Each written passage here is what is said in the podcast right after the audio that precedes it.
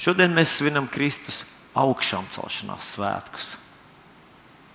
Nevienā citā pasaules reliģijā tādu nav. Visi citi dievi ir nomiruši, apglabāti, un no viņiem ir palikuši tikai kapu vietas.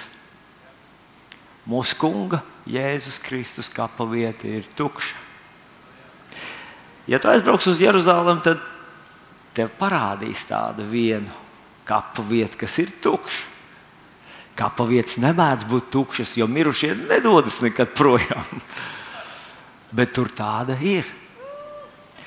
Varbūt tā ir īstā, varbūt nav. Tas nav tik svarīgi.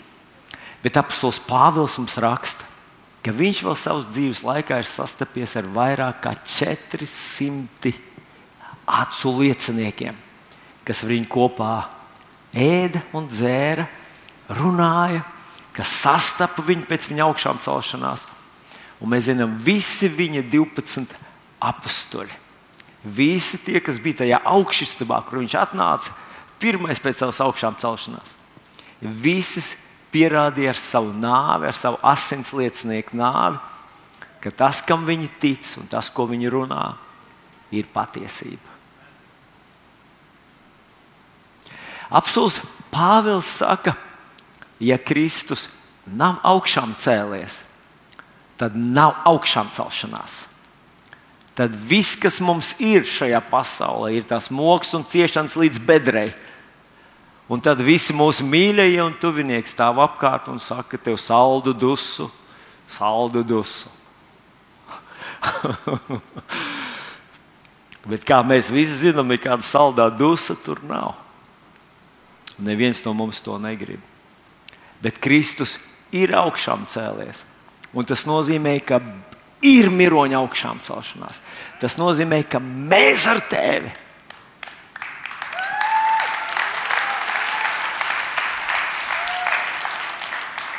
ka mēs ar tevi esam tās daļa.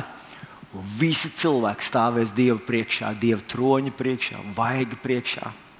Un, ziniet, kamēr dzīves laikā mums, mēs droši vien, ka jūs arī esat sastapušies ar cilvēkiem, kas kaut ko tur ah, es viņam teikšu, kā es viņam sacīšu, es viņam paprasīšu. Kad tu ieraudzīsi Dievu, tad tu varēsi izdarīt tikai to, ko izdarīja tie romiešu kareivi, kas sargāja Jēzus kapu ka viņi bija izbijuši, bailēs, nespēja pirkstu pakustināt, kad viņš iznāca ārā no savas uh, kapa vietas. Un, ziniet, klausoties šīs, te, šī, šos stāstus, man bija jādomā par divām lietām, par ko es nebrīnos. Un tā pirmā lieta, es nebrīnos par to, ka cilvēkiem ir problēmas. Ka cilvēku dzīvē ir problēmas. Atcerieties, Romiešu vēstulē, 3. nodaļā, apelsīns Pāvils saka, jo visi ir grēkojuši un visiem trūks divišķās godības. Un turpat Bībelē arī teikts, ka grēka sekas vai grēka nopelns ir nāve. Dažreiz grēks mums piesola kaut kādas īpašas sajūtas, īpašus laimes mirkļus, īpašus īsos ceļus uz labklājību, vai uz, vai uz bagātību, vai uz ietekmi. Bet viss, kas nāk no grēka, ir nāve. Un dažu cilvēku dzīvēs tā nāve ir ļoti prasmīgi noslēpta. To nevienai nepiedarošai personai nedrīkst redzēt. Bet dažu cilvēku dzīvē viņi ir redzami ļoti brutāli un tieši. Un visiem cilvēkiem, visiem cilvēkiem ir vajadzīga glābšana dažādās dzīves situācijās. Un, ja nu kādam palaimēs iziet cauri dažna, dažādām dzīves situācijām, tad beig, beigās ir pēdējais ienaidnieks, ar ko neviens cilvēks, cilvēks nav ticis galā, izņemot vienu. Tā ir nāve cilvēka dzīves beigās. Garais cilvēku mūžs, 80 ar plus gadu, paskrien dažos elpas vilcienos. Un cilvēki konstatē, ka tas viss ir pagājis garām, un tā īsti tu nemaz tajā neesi piedalījies. Un nu ir beigas. Bet paldies Jēzum! Jēzus! Tā tad es nebrīnos par to, ka cilvēku dzīvēs ir milzīgas problēmas vai grēka sekas, kas ir nāve. Tādas ir visiem, visur. Cik arī skaisti, bagāti viņi neskatītos, cik izglītoti, inteliģenti, ietekmīgi viņi nebūtu. Viņu dzīvēs visur ir nāve. Ja vienīgi viņam atļaušu Jēzum Kristum sevi izglābt. Tādiem cilvēkiem ir problēmas. Ziniet, kas otra lieta, kas man neizbrīna, ka Dievs palīdz cilvēkiem. Un mēs jau visi Ziemassvētkos zinām to stāstu, ka Jēzus bērniņš, Betlēms, Silīte, mēs zinām, ka tas ir stāsts par mīlestību, par vēlēšanos pietuvoties cilvēkam. Cilvēks varanā Dieva acīs ir tāda liela vērtība, ka viņš meklē viņa sirdi, klauvē pie viņas sirds. Viņš vēlas, lai cilvēks viņu saprot, uzticās viņam un atver savu sirdi viņam. Bet, zinot, kad mēs palasām Jēzus vārdus, tad, manuprāt, tādam īsti domājošam cilvēkam zinot, ka Jēzus vārdi ir patiesība un nekas vairāk, nekas pārspīlēts, nekas ne plus, ne mīnus, patiesība tīrā izteiksmē. Tad mums būtu brīžiem jāizdomājas tādā, tādā vieglā pārsteigumā un pat šokā. Jo Jēzus runājot par savām attiecībām, par Dieva attiecībām ar cilvēku, brīžiem saka tādus vārdus, kurus grūti izprast. Vai tiešām tas tā var būt? Un tikai dažas raksturvietiņas šajā rītā es gribētu jums parādīt, atgādināt un padalīties ar tām. Un pirmā ir Jāņa evanģelijā 15. nodaļā, 9. pāns, sākot ar 9. pāntu, daži panti. Rekā Jēzus šeit saka, kā Tēvs mani ir mīlējis, tā es jūs esmu mīlējis palieciet manā mīlestībā. Wow! Jēzus ir trīsvienības otrā persona. Dievs Tēvs, Dievs Dēls, Dievs Svētais Gars. Un viņš šeit saka, ka tā kā Dievs Tēvs mīl Dievu Dēlu, tā es mīlu tevi. Tā viņš mīl mani un tā viņš mīl tevi. Nu, es varu, es tā cilvēcīgi es varu saprast, nu, jā, nu, Dievs mūs mīl, bet ka Dievs mīl ar tādu intensitāti, ar tādu nodošanos, ar tādu monumentālu, nemainīgu mīlestību, to ir grūti saprast. Jēzus Mani mīl, kā Dievs Tēvs mīl Dievu dēlu. Wow! wow! Manī tas izraisa tāds, uh, tādu bijību. Un, bet viņš ar to nebeidz. Viņš saka, palieciet manā mīlestībā. Protams, ir cilvēki, kas ir atraidījuši viņa mīlestību. Nu, tāpēc, ka tā nav tieši tāda, kā viņi gribēja, tāpēc, ka viņi nav tā, tieši tā, kā viņi bija domājuši, plānojuši. Atcerieties, bija tāds karavadons Nēmans, kurš atbrauc pie pravieša, lai pravietis viņu dziedina, jo viņam arī ir liela nelaime. Viņš ir ietekmīgs, stiprs, bagāts, bet viņa dzīvē ir nelaime, un viņam vajag palīdzību. Un pravietis nedara tā, kā Nēmans ir domājis un viņš pagriež savus zirgus un ratus apkārt un saka, ha! Ja nenotiek tā, kā es domāju, tad tas nekas nevar būt īsts. Tas no tās anekdotas, ja es ne, tevi nepazīstu, tad tu nekas neesi. Lielākā daļa mēs nepazinām Dievu. Bet, nu, paldies Dievam, mēs viņu zinām.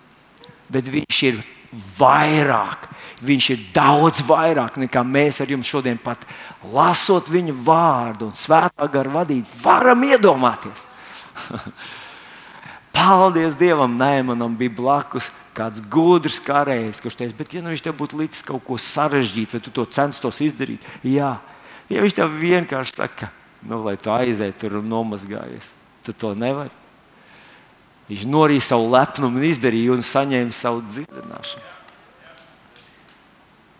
Dievs nepiekārtosies tev. Viņš ir Dievs. Tev nākas pakārtoties viņam. Man patīk tas salīdzinājums, ka otrs nolaidās uz sliedēm un saka, tā, hei, apkārt viņa ciltsbrāļi, visi skatījās, tas gan ir varens otrs. Nostājās uz sliedēm, izrieza savu sodu krūtis un teica, ej, vilcieni, ja tu tāds esi, es tevi izaicinu. Un nekas nenotiek. Es jums pierādīju, ka vilciena nav, viņš saka. Priekš vilciena vienkārši ir pārāk maza vienība. Un mums ir labi atcerēties, ka tas, kurš ir viss, mīl mūs un vēlas, lai mēs paliekam viņa mīlestībā. Nu, kas nozīmē palieciet manā mīlestībā? Kādreiz mēs domājam, ka tā Dieva mīlestība ir tā tāda rīta migliņa, viņa te viņa ir, bet nākošā mirklī jau viņa ir izplēnējusi. Bet patiesība ir tāda, ka Jēzus mums tikko pateica, ka Dieva mīlestība nebeigsies nekad. Tā ir vienkārši nemainīga.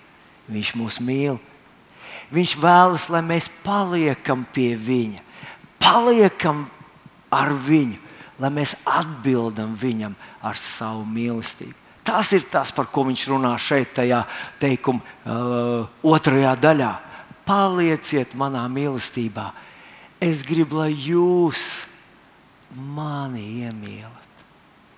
Palasīsim nākošo pāntu, kas ir desmitais. Reko viņš saka, ja jūs turēsiet manus baušus, jūs paliksiet manā mīlestībā.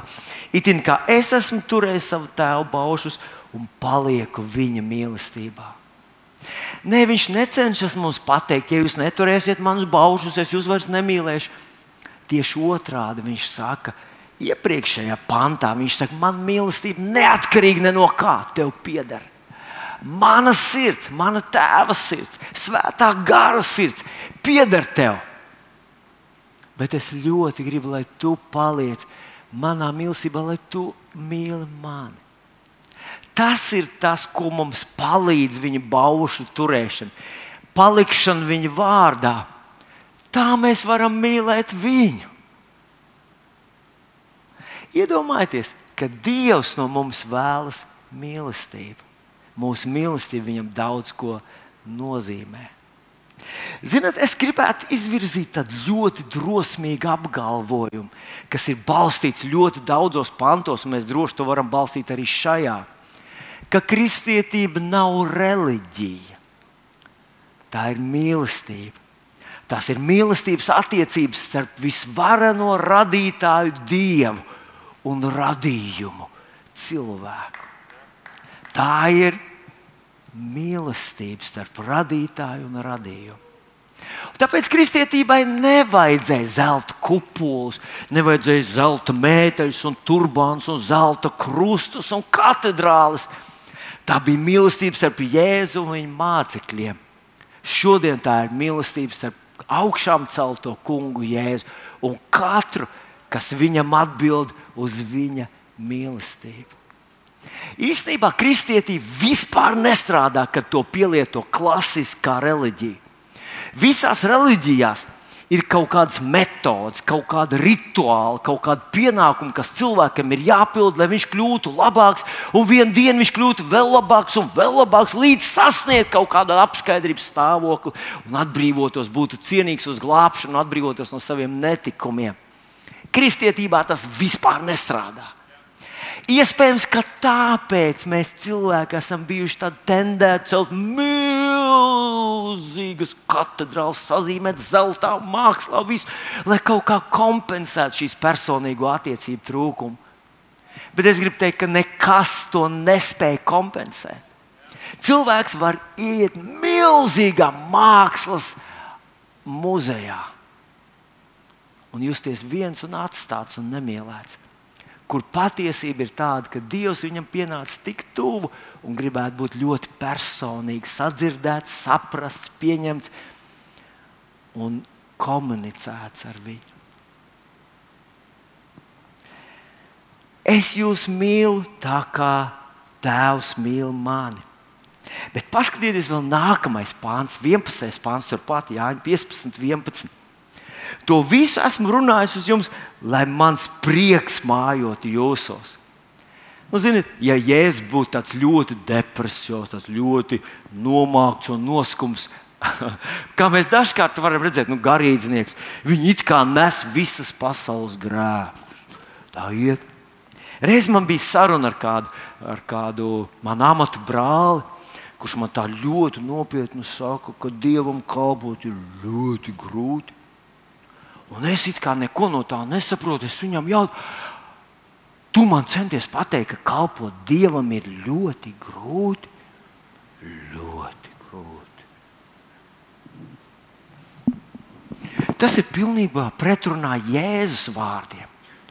Un viņš saka, ka viņš mums ir devis savus baušus, savas pavēles, ne tāpēc, lai atņemtu prieku no mūsu dzīves, lai mūsu dzīve būtu viena vienīga verdzība, atgādināšana par grēkiem, par elli nu, ja tu ļoti saņemsies, varbūt, bet cerības ir maz. Ja Jēzus būtu tāds, un viņš teica, saka saviem mācekļiem, lai mans prieks mājot jūsos, mācekļi teikt, pasarg, Dievs, mums jau tā ir grūti. tu vēl savu visu prieku mums ielies. Bet Jēzus tāds nebija. Ebreju vēstulīte saka, ka viņš bija svaidīts ar prieku vairāk par visiem citiem brāļiem. Viņš saka, lai jūsu prieks būtu pilnīgs. Normāls kristiešu stāvoklis ir būt priecīgam. Būt priecīgam jaukās, brīnišķīgās, saulainās dienās, un būt priecīgam arī tajās drūmajās. Jā, arī kristiešu dzīvē ir drūmas dienas, smagas dienas, uzbrukuma dienas, nesaprašanas dienas, kad tev tuvākie, dārgākie, mīļākie cilvēki vispār tevi atraida, nesaprot, pārprot, vaino tevi visos pasaules grēkos. Vai arī tad kristietis var būt priecīgs? Jā, jo šajā smagajā situācijā viņš nav viens. Viņam blakus vienmēr ir viņa kungs un glābējs Jēzus Kristus. Un par to runā nākamā raksturvietiņa. Tā ir priekšpēdējā, un pavisam drīz mēs strauji tuvojamies noslēgumam. Nu, kas tad ir uzrakstīts Mateja evanģēlijā 11. nodaļā, 28. līdz 30. pāns? Paklausieties, es nolasīšu, un tad drusku par to parunāsim. Nāciet šurp pie manis visi, kas esat bēdīgi un grūtsirdīgi es jūs gribu atvieglināt. Ņemiet uz sevis manu jūgu, mācieties no manis, jo es esmu lēnprātīgs un no sirds pazemīgs. Tad jūs atradīsiet atvieglojumu savām dvēselēm. Jo mans jūgs ir patīkams un mana nasta viegla. Ziniet, kā cilvēks varētu izlasīt šo pantu, kuram dzīvē ir tā smagi klājies, un viņš to zina ar savu, mm, ar saviem ragiem un nagiem ir cīnījies savā dzīvē. Un tagad viņš izlasa šo pantu. Nāciet šurp pie manis, visi ir bēdīgi, jau grūtsirdīgie, un ņemiet manu jūgu. Pff. Vienreiz man cilvēks viens teica, burtiski, man jau tā ir grūti dzīvē. Vēl vienu jūgu es neizturēšu. Man nebija iespējas viņam toreiz paskaidrot, viņš vienkārši pagriez, vīlies, pārliecinājies, ka tā ir verdzība. Viņš atgriezās savā nožēlojamā eksistencē. Vismaz tā viņš teica, ka ir grūti. Bet paskatieties, ko Jēzus mums cenšas pateikt. Un, lai to ieraudzītu, mums jāatcerās Jēzus laika un Jēzus laika nu, tās metodas. Tajā laikā, kad bija ļoti daudz, pamatā bija divas profesijas cilvēki. Ak, jā, Jēzus tajā areālā bija arī zvejnieki, bet bija lopkopi, zemes apstrādātāji un zvejnieki. Nu, vēl bija, kā mēs zinām, galdnieki. Arī Jēzus tēvs bija galdnieks, un arī Jēzus bija galdnieks. Nu, lūk, bet, uh, ko tad darīja zemkopis? Zemkopis savu arklu lika ļoti cietā un nepateicīgā zemē. Un toreiz arklu nevilka zirgi, jo tajā karstumā zirgam ir ļoti grūti. Zirgus izmanto karam tikai. Arklus parasti vilka vērši. Bet, ziniet, tie vērsi, tie iejūgi bija tādi, ka parasti vēršus lika pa diviem. Divi vērši vilka to vienu arklu.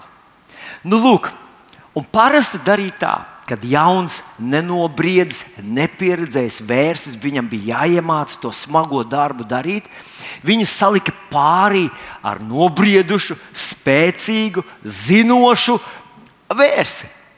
Un tas jaunais Viņš pat varbūt no sākuma nemaz negribēja vilkt neko. Viņš vienkārši tur skatījās apkārt, satraucies, kas ir, kas nav, man te tik grūti. Bet lēnām viņš iemācījās, vai patiesībā sakot, saka, ka viņš ļoti ātri iemācījās no tā savu pieredzējušā pārinieka. Iemācījās to, kā pielikt savu spēku, tā, kā tikt galā ar izaicinājumu. Un viņš ieraudzīja to, ka tas smagums mēs to dalām uz pusēm. Sākumā tas pieredzējušais vilk, vērsis vilka visu to vezumu, visu to smagumu. Bet vēlāk tas otrs arī jau kaut ko sāk saprast un darīja arī savu pusi. Un tas ir tieši tas, ko Jēzus šeit saka, tajā vietā. Nāc manā jūgā, mācies no manis. Un tad viņš nobeidz ar šo vārdu: Mans jūgs ir patīkams un nasta viegli. Redziet, Jēzus metode nav tāda, kā vienreiz izlasīja uz kādu zobārstu reklāmu, bija tāda zobu ārstēšana ar pilnas narkotikas palīdzību. Tā doma, ka tev ir slikti zobi, tu aizēji tur, tev aizmidzina, un tad tu pamosties, paskaties spogulī, Holivudas smaids. Dažreiz, dažreiz cilvēki nākot pie Dieva arī domā līdzīgi, ka tas notiks tā, ka tevi aizmidzinās, Tu tā kā neko neredzēsi, neko nesapratīsi, un pamodinās 5 minūtes pirms nāves. Un tad Dievs teiks, nu, es nodzīvoju tavu dzīvi perfekti. Tu tagad būsi debesīs. Tas tā nedarbojas. Tev vēl aizvien ir izaicinājumi. Tev vēl aizvien priekšā ir tie tavi lēmumi, tās grūtības, kurām tev būs jāiziet cauri, tie uzbrukumi, kas šajā pasaulē ir daudz, jo šajā pasaulē tre, uh, klīst traks suns, kur vārds ir. Un viņš ienīst katru, viņš ienīst visus. Un brīžiem liekas, jo gaišāk ir cilvēka dvēsele, jo vairāk vēlns viņi ienīst un uzbruk viņam. Bet tā tad tev būs ar viņiem jāsastopās. Bet tai savā jūgā tu nekad nebūsi viens. Tās tavas grūtības, tavu atbildību, tavus riskus, tavu smagumu, to būtu ienaidnieku ieroča smagumu.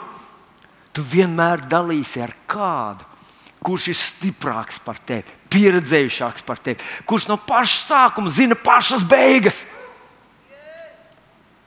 Un kā Jēzus mums teica, kurš tevi mīl bez nosacījumiem, bez laika ierobežojumiem kurš mīl tevi tik ultimatīvi, tik ļoti, ka vienīgais, kā viņš to varēja pateikt, ir, kā Tēvs mīl mani, tā es mīlu tevi. Jēzus mīl tevi, dārgais draugs.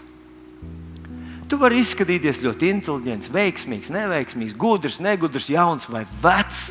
Tam nav pilnīgi nekādas starpības ja tas mazliet rezonē tavā sirdī, tas ir Dievs, kas tevi velk pie sevis. Jēzus teica, ka neviens nespēja nākt pie viņa, ja tēvs viņu nevelk.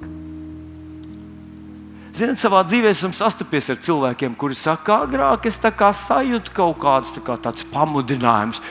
Bet gadiem ejot, viņi palika klusāk, klusāk, klusāk, klusāk, klusāk. Un nu, jau es knapi kaut ko savā dvēselē varu sadzirdēt. Diemžēl tā arī ir patiesība, ka katram cilvēkam, mums kā mirstīgām būtnēm, kā būtnēm, kas ir ieliktas laika robežās, ir žēlastības laiks, kad Dievs mūs izmisīgi uzrunā. Bet mēs nocietinām savu sirdi, un mēs jau šodien dzirdējām par nocietinātu sirdi mazliet. Es esmu sastapies ar cilvēku, tas gan bija viens padomu laiku mācītājs, Lutāņu mācītājs, kurš teica, man vairs nav ne grēka nožēlas, ne vainas sajūtas man nekā visa tāda vairs nav. Priekš manas pestīšana ir zudusi. Viņš bija viens no tiem, kurš bija uzķēries uz tās padomju aģitācijas, tās lielās uh, makšķers un braukājis apkārt pa visu plašo padomu savienību, visur stāstījams, ka ir melnsvārču uh, biznesa, ka tā ir naudas izkrāpšana, ka viņš pats ir bijis mācītājs, ka tas viss ir tikai iestudēts un tā tālāk. Un, kad es viņam, kā jauns kristietis, centos uzrunāt viņu, es nezināju, kas viņš ir, nezināju viņa vēsturi. Es sāku viņam stāstīt par Jēzu, par Dieva mīlestību.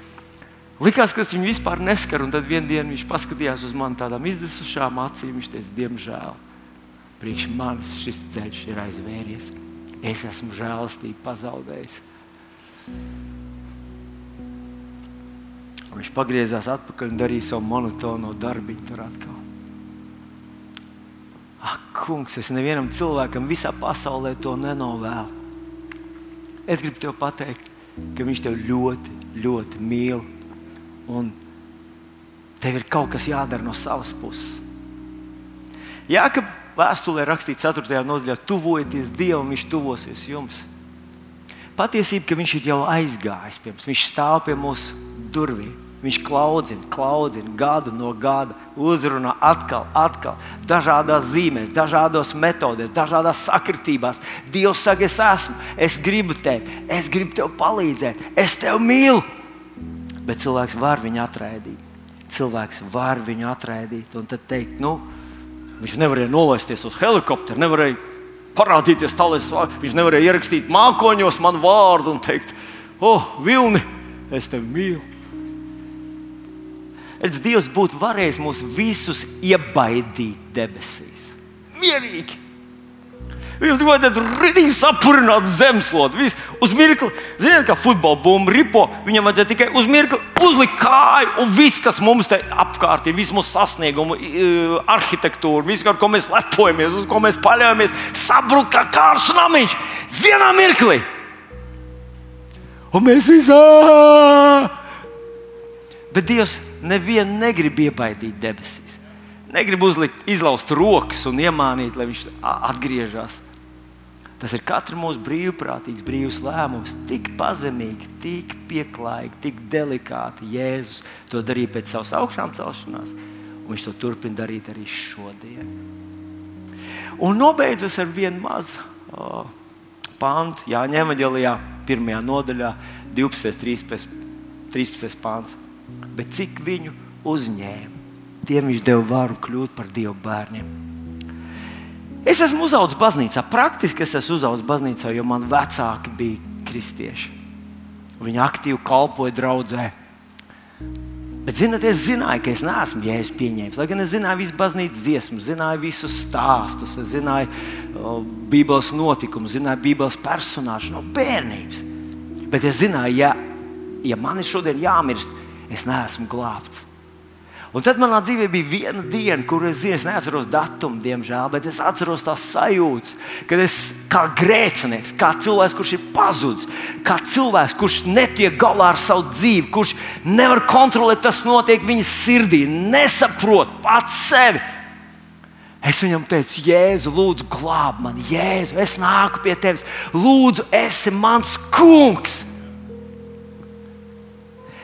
Viņš nebija pamēģinājis, es pamēģināšu, es atnākšu, es, es arī to skatos uz visiem citiem, noskaidrošu, kā tas ir. Tas nav iespējams. Ar Jēzu nav iespējams pamēģināt. Tas ir vai nu tu viņam atdod savu dzīvi, nodedzini visus tiltus aiz muguras, un viņš ir vienīgā tava cerība, vienīgais tavs glābējs, vienīgais tavs kungs. Tu viņam uztic visu savu dzīvi, vai neusticies vispār. Nav divu iespēju. Un esmu ļoti pateicīgs. Es to sāku kā jauns jauneklis, jauns puisītis, pelēks, nekas īpašs nebija. Bet viņš man izved cauri visai manai dzīvei. Viņš to izdarīs ar tevi. Tas nenotiks vienā dienā. Precīzi mums pateica Līva, tas nenotiek vienā dienā. Tas ir ceļojums. Tas ir, kad tu mācies no sava kunga, tu skaties uz viņu, tu klausies, ko viņš saka, tu nodod sevi kā mācekli. Tas nav tā, cik reizes man mācītāji jāatnāk uz dievkalpojumu. Cits atnāk trīs reizes un saprot tik daudz, cik cits saprot 30 reizes. Bet tās ir tavas attiecības ar kādu, kurš tevi bezgalīgi, neizmērojami, nemainīgi, vienmēr ir mīlējis un vienmēr mīlēs tavu radītāju, tavu Dievu.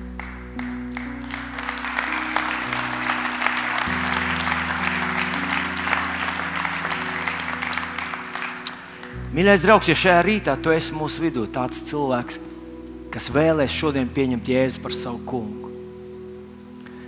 Parasti varbūt nav tāda liela tā vēlēšanās, vairāk satraukums, neziņa vai, vai, vai neveiklības sajūta.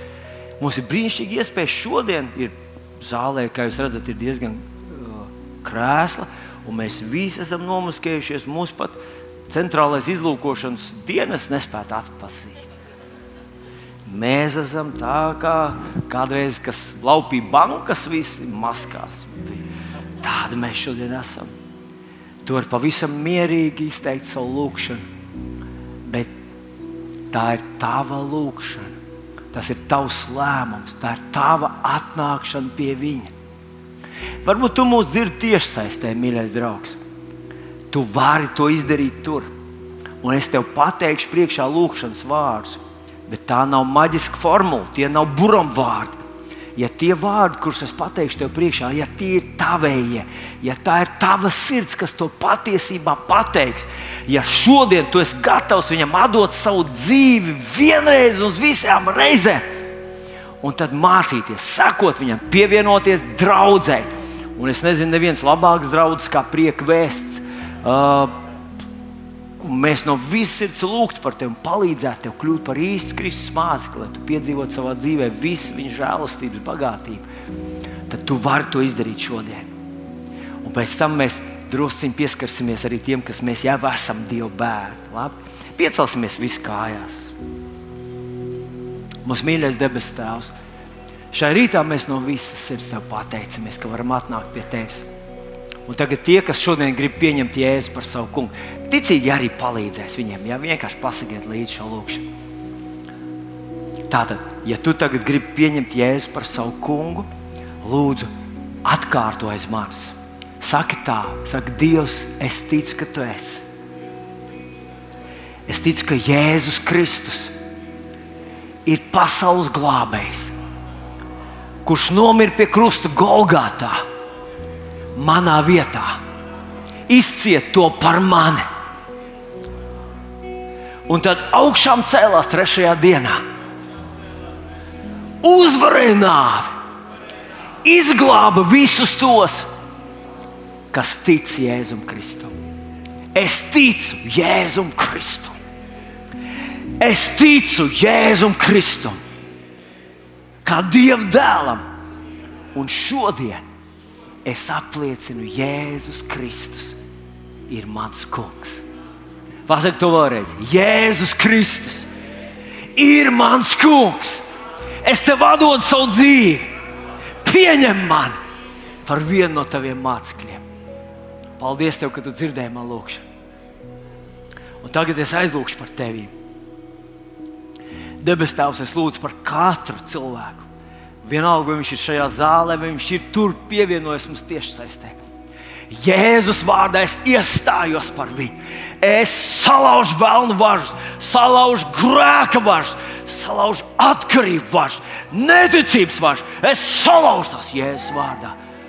Un es pateicos, ka tavs svētais gars var pieskarties, apgaismot, atdzīvināt katru no tiem, kas šodien pieņem Jēzu Kristu par savu kungu un pestītāju. Paldies tev par glābšanu viņiem Jēzus vārdā. Aleluja! Ja tu esi šajā zālē, mīļais draugs, tev vajadzētu vienkārši tagad pateikties. Tas ir noticis. Tu to, ja tu to izdarīji patiesi, ja tu to uztver nopietni, debesis to uztver vienreizē nopietni. Varbūt tu esi tur tālumā, un tu varbūt kaut ko sajūti, varbūt nesajūti neko tagad notika kaut kas dramatisks. Dievs izņēma no tavām krūtīm akmens sirdi un ielika tur mīkstu, mīsīgu dievu bērnu sirdi. Palas tagad Bībelīt, tā vērsties tev daudz labāk vaļā nekā līdz šim. Halleluja! Lūdzu, nepaliec viens. Dod mums zināt par sevi, uzrakst mums, vai, vai, vai, uz, vai uzzvan uz mūsu um, oficiālu. Vienmēr būs kāds cilvēks, kas dos tev kaut kāds norādījums, kā mēs varētu sazināties ar tevi un palīdzēt tev turpmākajā nākotnē. Jēzus vārdā. Halleluja!